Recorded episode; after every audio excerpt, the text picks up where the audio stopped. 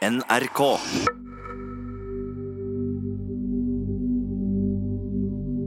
Det var jo litt sprøtt. Altså, det kom masse amerikanere med millioner og milliarder til lille Bodø og ville kjøpe byen. Let's do something that matters, right? Let's get excited. Her er det all grunn til å telle fingra etter at du har hatt en handshake med han. Hei! Hey, Ola. Nice to meet you. Samtidig så satt jeg med en magefølelse, en veldig dårlig magefølelse med at her hadde jeg vært med på noe som, som kanskje ikke var bra, en slags menneskejakt. Jeg heter Christer Aasheim. Du hører på Duften av dollar, som jeg laga sammen med han Ola Helnes. Nå hører du på siste episode, episode fem.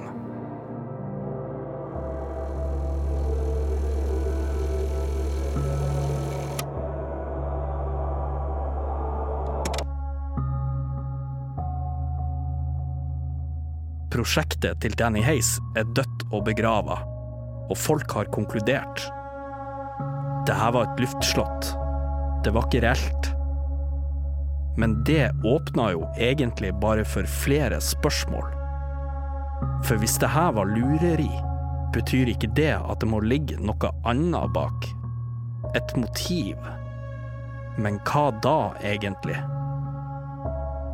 Hvis han skulle lure byen, hva hadde han å tjene på det? Hva kommer han til å si som forklarer handlingene hans?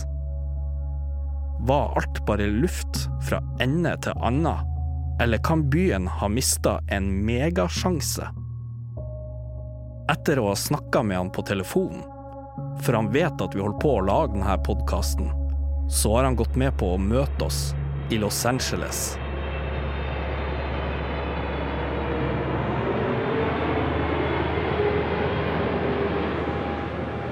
Og utafor ankomsthallen på LAX så står han Ola nå og tester mikrofonen sin. Hey, hey, hey, hey. Check. One, two. Yeah, you wanna check the audio? Får hjelp her til og med. Nå tror jeg klokka er halv sju på morgenen norsk tid.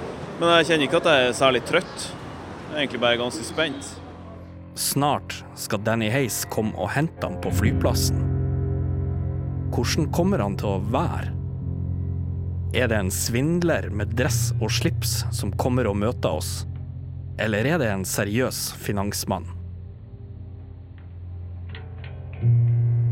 Men mens vi venter på at han skal dukke opp, så går vi litt tilbake i tid. For det var den der journalisten med den der dårlige magefølelsen.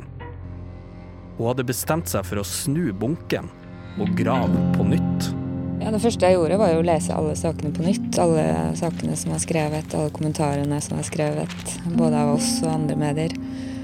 Lese dokumentasjonen vi hadde fått, hente inn ny dokumentasjon. Siri Gulliksen er journalist i Avisa Nordland. Etter at mediestormen la seg, så har hun hatt en snikende følelse om at hun har vært med på noe som har gått helt feil. Og så begynte jeg da å ringe runden da, for å, å snakke med folk. Og, og den var jo ikke veldig Den var jo ikke sånn kjempepositiv til å snakke med meg i, i begynnelsen. Jeg var jo folk som var, hadde brent seg skikkelig. Eh, og, og nå var endelig Nå var det endelig roa seg. Nå eh, Bodø kommune var ute. Eh, Simon Flakk var ute. Eh, alt var liksom Alt var stille. Så hvorfor, hvorfor skal jeg begynne å, å rote i det her igjen nå? I begynnelsen blir hun møtt av en vegg av taushet. Men så begynner folk å snakke. Jeg ble også kontakta av eh, andre som jeg ikke hadde hørt om før, som har hatt en rolle i det her, som på eget initiativ tok kontakt med meg når det begynte å, eh, å ryktes om hva jeg holdt på med. Mediedekninga har stort sett dreid seg om Danny Hayes, men alle de her avtalene, nettverket og referansene i USA, kanskje de er verdt å sjekke ut litt nærmere? Det var veldig viktig for meg.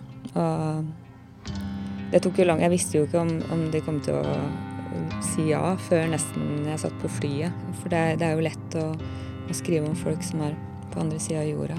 Eh, når du møter dem, så, så, får du et litt annet forhold til, til dem. Hvilke konsekvenser mediedekninga har, har, fått dem, for dem. Her er det lett å tenke hun er i USA, hvorfor møter ikke hun Danny Hayes? Akkurat nå er ikke det det viktigste, mener Siri Gulliksen. For hun vet nemlig at han har folk i ryggen. Det er dem hun har i sikte. Han opererer ikke alene. Han er en del av et nettverk.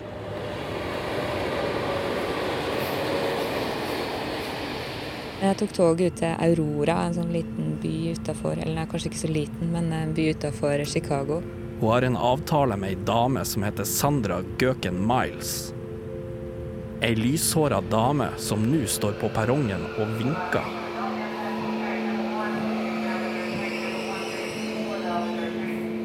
Hun var åpenbart nervøs. Hun Visste ikke helt hva, hva det her skulle bli, visste ikke hvem jeg var. Grunnen til at det er så viktig for Siri Gulliksen å møte Sandra Gøken Miles, er at hun har vært i Norge.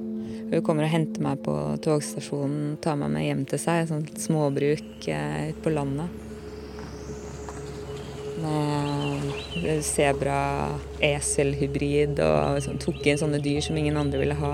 Sånn skikkelig sånn eh, med hjerte for de svakeste i samfunnet. og hun viste meg rundt i et sånt familiemuseum de har der med avisutklipp og eh, missekroner, og det, det var ikke måte på. Men det her småbruket med mystiske dyr og nostalgisk nips forteller egentlig ikke alt om Sandra Gøken Miles. Hun har nemlig noe som hun forsøker å selge. En oppfinnelse. Eh, hun hadde jo eller har jo reist rundt i Norge i tre år for å skaffe seg nettverk og finne den perfekte byen og lansere sine smarte gatelys i. Det er det her som er linken. De smarte gatelysene. Sandra Gøken Miles har møtt Simon Flack på en Smart City-konferanse og hørt om Bodøs pengeproblem. Fra før av har hun Danny Hayes i sitt nettverk, og hun reiser hjem og forteller han om den store visjonen. Verdens mest høyteknologiske by. Et prosjekt som er midt i blinken for Danny Hayes. Men til og med her, på den stille bygda nord i USA, så har den lille mediekrigen i Nord-Norge ramma hardt. Altså jeg kjenner saken og sakskomplekset og de menneskene rundt, så er det vel kanskje hun som har eh, tapt mest på det her. Altså alle dører er stengt. Hun får ikke kontakt med sine norske samarbeidspartnere. Det er ingen som vil eh, ta jo. Hennes gode navn og rykte er jo helt eh, ødelagt. Og det, det tror jeg hun tar, tok og tar veldig tungt. Eh, og det, det var hun oppriktig lei seg for. Mange i Bodø har snakka om at Danny Heis bygde et luftslott, men var han i så fall alene om det? Hvis man skulle satt ord på det her prosjektet, ord som luftslott, så skulle man like gjerne ha sagt at det her var Acom sitt luftslott, det her var Morgan Stanley sitt luftslott. Det her var Fortress Capital og Red Pill Group sitt luftslott. Det her var jo ikke Danny Hayes sitt prosjekt, sånn jeg har lært saken å kjenne. Det her er mange tunge aktører som sto bak. Eneste rolle som Danny hadde, det var å være den som representerte de her selskapene utad. Den som knytta kontakter, og den som sto forrest på scenen. Så det her var ikke Danny Hayes sitt prosjekt. Det her var et prosjekt som var forankra i mange, mange tunge institusjoner eh, i hele verden.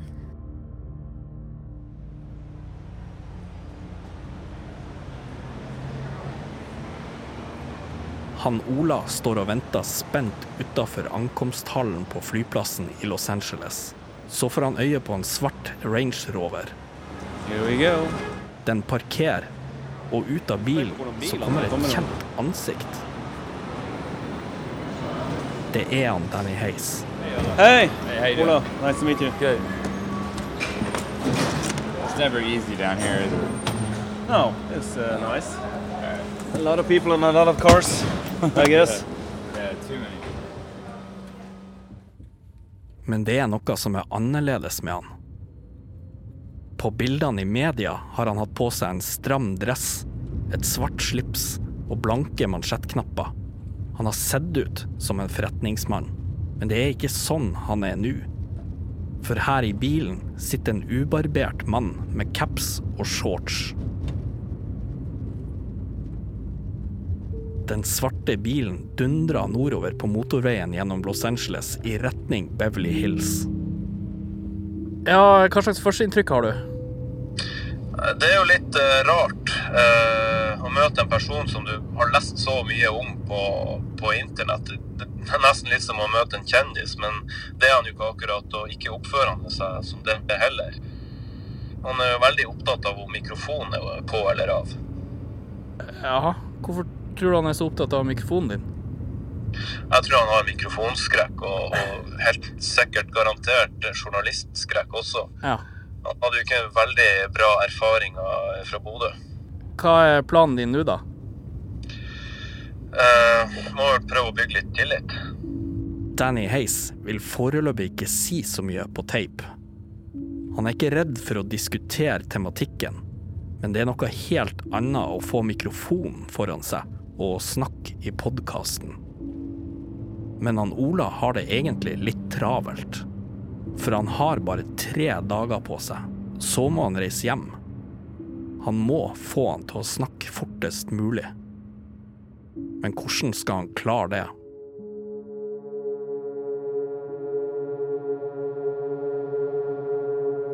Akkurat nå, mens Ola er i USA, så jobber Danny Hayes sine gamle samarbeidspartnere Trond Larsen og Kjell Ivar Hansen videre med datasenter. Mange av de viktige kontaktene de har nå, kan de takke Danny Hayes for. Ja, det var jo han som eh, han, eh, han tok jo initiativ og fikk jo oppover noen folk fra ledelsen eh, hit da, en eller annen gang i fjor, var det. Så det skal han jo ha. Han har jo Det er jo reelle muligheter de har sett på. Dette er stemmen til Odd Emil Ingebrigtsen. Han er en viktig aktør i spillet om datasenteret. For det er han som sitter på tomta datasenteret kan bygges på. Innfallsvinkelen og ideen var jo den var god. Den, så, derfor så er det interesse fortsatt. Da prosjektet til Heis, Jalpani og Flakk fløy på sitt høyeste, så tilbød han dem opsjon på tomta. For han er det viktig å få til et datasenter så fort som mulig. Og da er det bare å være åpen for alle som er interessert i å investere. Så det var Det er en ganske naturlig og kanskje, kanskje til dels lavthengende frukt, hvis du kan kalle det for det, da, å prøve å få til noe sånt.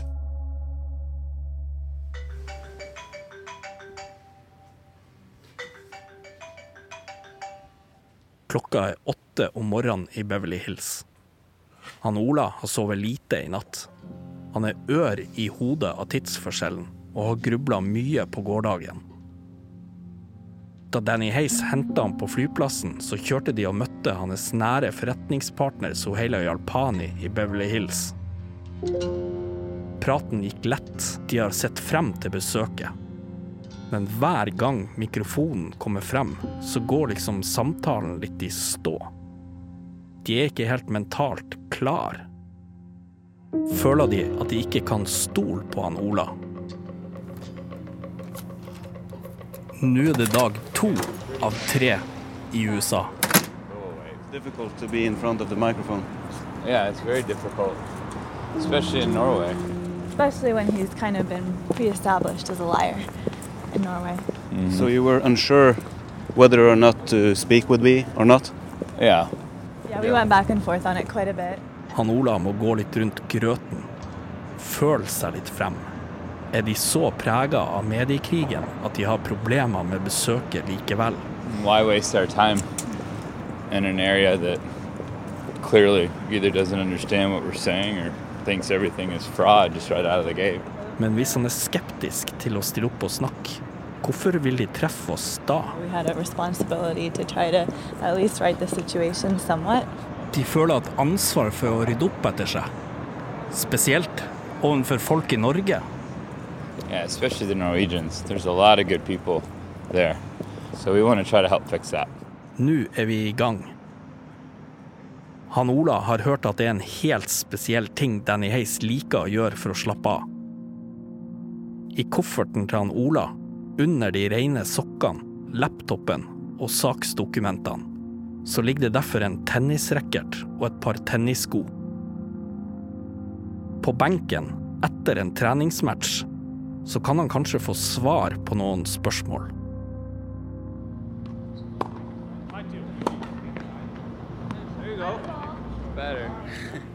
I'm getting the blood taste in my mouth. So fast. Hate it. This is why I don't work out. You know? Hva skjedde? Uh, nei, vi spilte tennis. Han var ganske god. Men uh, ja, det var ikke jeg. Relativt eh, utrent, for å si det forsiktig. Så planen din var å få til et intervju etter tennismatchen. Ja, men det var ikke noe særlig stemning for det. Hvordan er det egentlig å være sammen med han? Er det, driver dere forhandlinger? Nei, men det er litt sånn, eh, hva jeg skal si, føle seg litt frem. Så ja, han utsatte litt, grann, det virka det som. Jeg tror at Danny Hayes er en person som snakker i veldig store bokstaver og har dårlig impulskontroll. Eh, og at han eh, snakker, eh, snakker litt over seg. Jeg tror ikke han bevisst har løyet til noen, men jeg tror nok han har, han har tøyd sannheten i eh, mange retninger.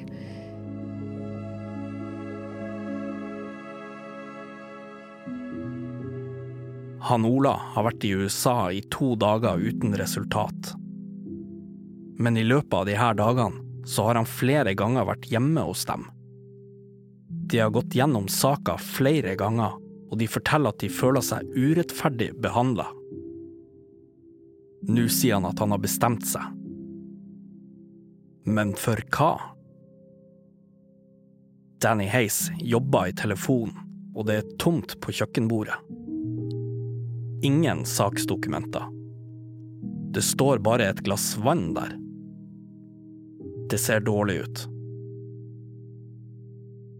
Men så er det det der med hukommelsen til Danny Hayes. Den som Simon Flack snakka om i en tidligere episode. Jeg blir veldig fascinert av at, uh, hvor mye han klarer å huske, og hvor mye han klarer å bruke det. Så han, uh, han er veldig god på det han gjør. Så selv om det ikke ser ut som det, så er han klar til å snakke. Hele reisa som Danny Hayes har vært med på, ligger lagra på harddisken i hodet hans. Nå er det bare å trykke play, så spilles filmen av. Og på laptopen til Soheila Jalpani så ligger det dokumenter som etter deres mening beviser at byen gikk glipp av en gyllen mulighet. Ok Skal vi se her So we can do. Why don't you just ask the question Yeah. here, and then I'll just say it. What's your role? Just to get people to move towards the finish line. That's really it. To do what you call business development and get things moving from inactive motion to action to closing, hopefully. Um, I usually get them to move forward, and if not, we find out why they don't want to move forward. And usually it has nothing to do with me personally. It's just standard sales business development. How do you remember everything? You don't write anything down. Um, well, I'll sometimes write some things down. Uh, it just depends on um, what it is. But yeah, I, I happen to be lucky to have a, I guess, a good memory to remember things. And by moving things forward quickly, you don't have to try to remember everything if you're moving it from here to there quickly. Han har aldri vært intervjua av media før han kom til Bodø første gangen. Da starta det ganske bra med saker om at han og Harvester Trust var kommet til Bodø. Vi ønska å stå for finansiering av all infrastruktur for Smart City, sa de den gangen. Det var blant annet denne uttalelsen som fikk store konsekvenser for dem. For det er en rimelig heftig oppgave å ta på seg. Forsto media hva de egentlig mente? Og hva var det her Harvested Trust? Skjønner du hva de mente? Ja, jeg har fått forklaring på det, og jeg forstår de brede linjene i hvert fall. Um, men det er, jo, det er jo ganske kompliserte finansinstrument de vil bruke. Men ikke noe som er uvanlig i USA. Ok. Men det blir jo nesten umulig for meg å forklare til deg på telefon. Men det må du nesten. Um, det her var jo før de kom på det der med datasenter. Det her handla jo om Smart City-prosjektet. Og Kortversjonen er at han Danny Hay skulle bruke sitt finansnettverk i New York, og så skulle han bruke Harvester Trust-navnet til å åpne dørene for å få henta penger i USA. Eh, men Bodø nå tviler jo på at eh, Harvester Trust eksisterer. Ja, det eksisterer, men ikke i den formen som eh, media først trodde, og som de kanskje ga inntrykk ut av. Men finansfolk i USA har, har i hvert fall tro på det. Jaha, hvordan vet du det? Uh, Jeg har sett uh, dokumentasjon, korrespondanse, og så snakka jeg med en type. Jeg ringte en direktør i en stor bank på Wall Street. Jeg fikk jo absolutt ikke lov til å dra navnet på denne banken inn i denne suppa, så han måtte være anonym. Men uh, i hvert fall banken ga Harvester Trust og, og Danny Hayes tommel opp. De ville hjelpe til med finansieringa med flere hundre millioner dollar hvis de fikk noe til. Det er jo helt ufattelig mye penger.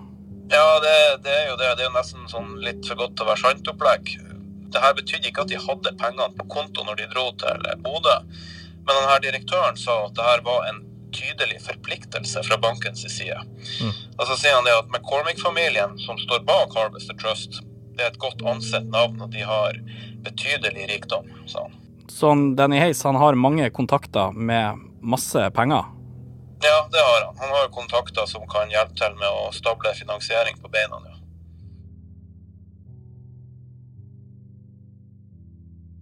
Jeg må innrømme at jeg er usikker. Men Bodø nå var ikke i tvil da de gjorde sin research. Markus André Jensen ba Danny Hayes sende over noe håndfast dokumentasjon på faktiske penger. Og når Danny Hayes sender papirene over, så sender han mye. Avtaler, prospekter, e-postkorrespondanse. får aldri på noe tidspunkt det som jeg vil som journalist kalle håndfast dokumentasjon på at finansiering er på plass her. Han får også intensjonsavtalene fra bankene i USA. Dette er et brudd på taushetsplikta. Men Danny Hayes er desperat. Han føler seg trengt opp i et hjørne. Papirene er strengt konfidensielle, og han trør egentlig over streken. Men der står det at bankene er interessert i prosjektet, og at de er villige til å gi lån på 500 millioner dollar hvis det videre arbeidet går etter planen. Det beviser jo ingenting. Det beviser at han har hatt et møte med en bank og sagt jeg har en forretningsidé. Hvis jeg får det til, er dere interessert? Ja, sier banken. Det kan, hvis du kan prate for deg, så kan mange gjøre det. Hvor reell er egentlig sånn her MOU-avtaler? Er det vanskelig å få intensjoner skrevet på et papir? Uh, sometimes very hard. Especially the bigger the institution, the harder it is to get them to put anything in writing. And I think that, you know, memorandums of understanding is absolutely the traditional sense of how the international markets work.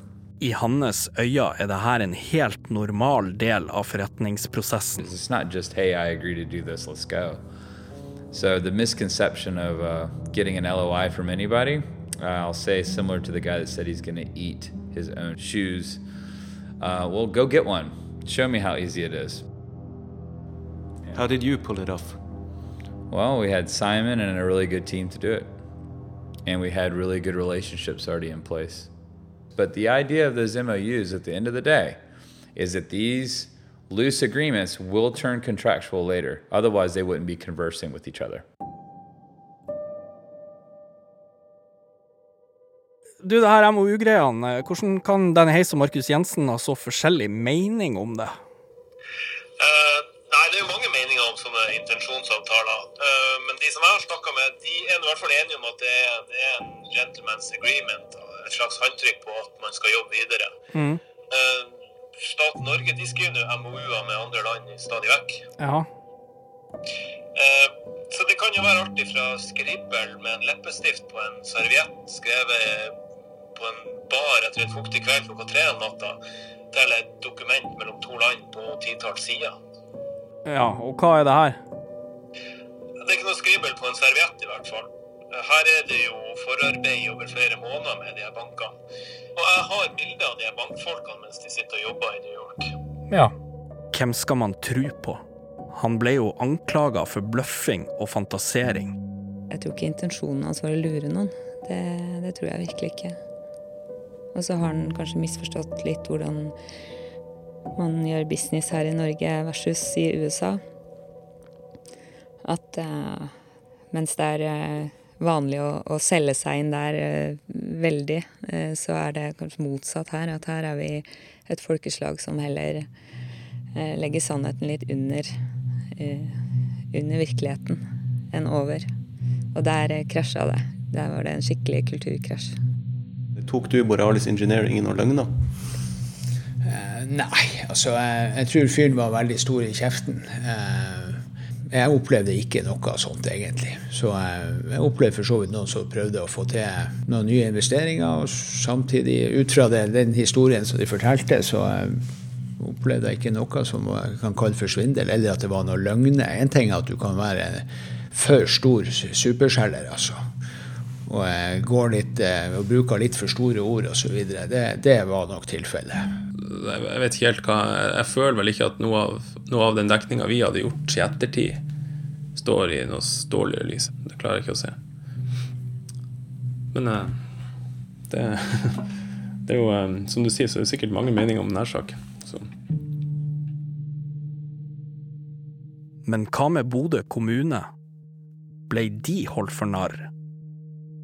Det her er Rolf Kåre Jensen, rådmannen som tidligere ikke ville være med i podkasten vår. Nå har han ombestemt seg. Følte du at de holdt uh, dere for narr? Uh, nei, altså jeg tror ikke jeg vil bruke sånne ord. Altså, jeg tror nok det var flere som, som ikke, ikke, var klar over hans rolle i det her. Altså hva det var han sto for, på en måte, inn i det her. Det jeg tror jeg er en annen forretningskultur. Vi, noen trodde jo at han hadde et eierskap som tilsa at han hadde gud vet hvor mange milliarder dollar som han på en måte håndterte. Det tror jeg noen og enhver oppdaga etter hvert at det var jo ikke tilfellet. The Norwegian culture, did you understand it well enough before you came here? Um, no, no, we did not. Um, speaking from my side and perspective, we made a big mistake on not doing our homework of where we were going. Var det næringslivsfolk i Bodø som eh, kunne og burde ha vært ute i media og retta opp noe av det her inntrykket? Ja, det mener jeg absolutt. Flere av eh, mediesakene eh, som ble publisert, etterlot seg et inntrykk av at Danny Hayes hadde svindla investorer i Bodø. Og det var jo definitivt veldig mange som visste at det ikke var riktig. Så skal jeg ikke si at det var Det kan jo godt hende at de faktisk eh, prøvde å nyansere det, men ikke kom igjennom, det Gud, jeg håper det ikke er sånn. det ble nesten sånn heksejaktaktige tilstander. Det tror jeg ikke var helt bra.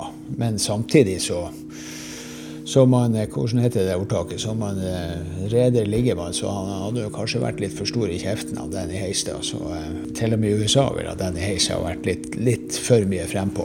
Til og med i Narvik. Odd Emil Ingebrigtsen jobba mye med Danny Heis da han var i Bodø. Han er den som vet hvordan det går med de andre som prøver seg på datasenter. Hva med gigaentreprenøren Acom, som Danny Hays brakte på banen? Er Acom fortsatt interessert? Ja, vi, vi, vi, kan jo ikke si hvem som er, er interessenter, da, men det er jo Men som sagt, en del av de interessentene som han Danny Hays brakte til regionen, er jo fortsatt interessert. Vi starta med å spørre deg om hva som skal til for at du tror på en historie. Er det at du leser om det i en avis? Eller at du hører det fra en mann på en talerstol. Matters, right? Talen til Danny Hayes ble altfor mye for Bodø-folk. Det samme ble sponsoravtalene med Bodø-Glimt og Stormen kulturhus. Uforståelig. Hele Danny Hayes ble for mye. Jeg sa til han Danny Hayes når jeg snakka for han noen dager siden, at uh, han var for stor i kjeften for Bodø-folk. Og det var han jo for så vidt enig i. Ja, jeg husker da jeg ringte deg og spurte om vi skulle lage podkast om denne svindleren. Ja, det, det husker jeg godt. Eh, men hvis det her var et forsøk på svindel, så er det det dummeste forsøket jeg har sett.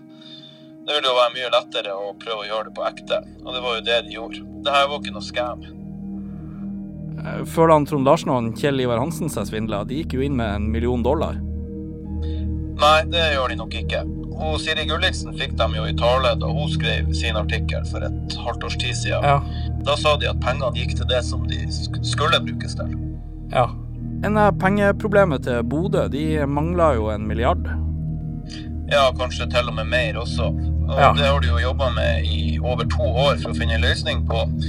Og nå sier ordføreren at det endelig ser ut som de kan ha funnet en måte. Jaha.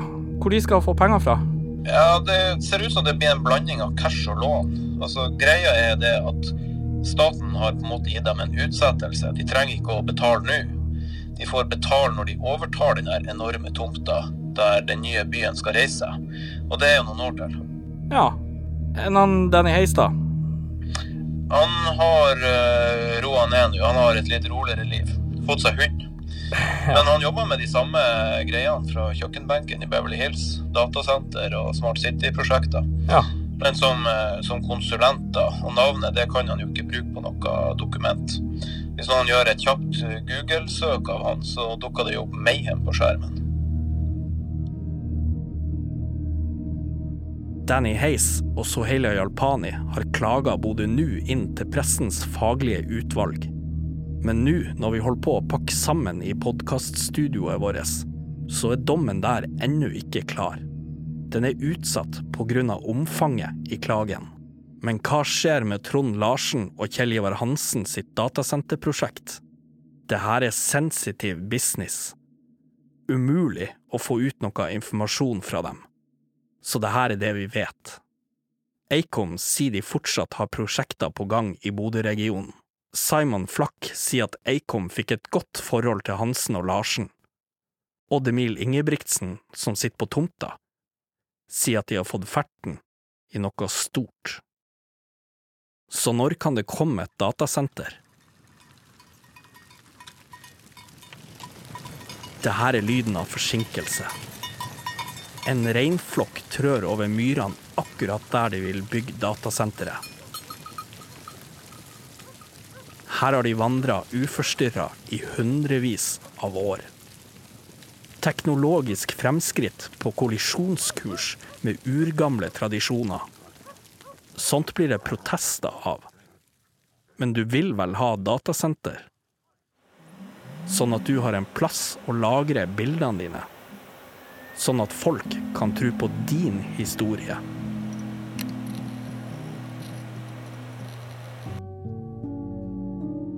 Trond Larsen og Kjell Ivar Hansen har ikke villet stille til intervju.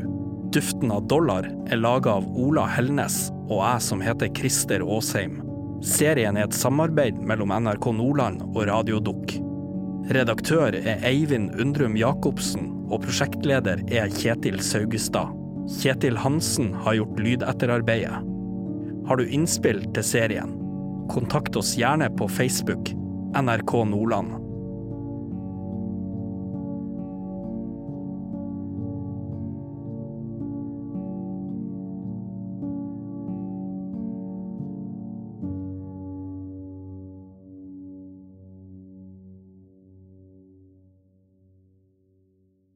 NRK.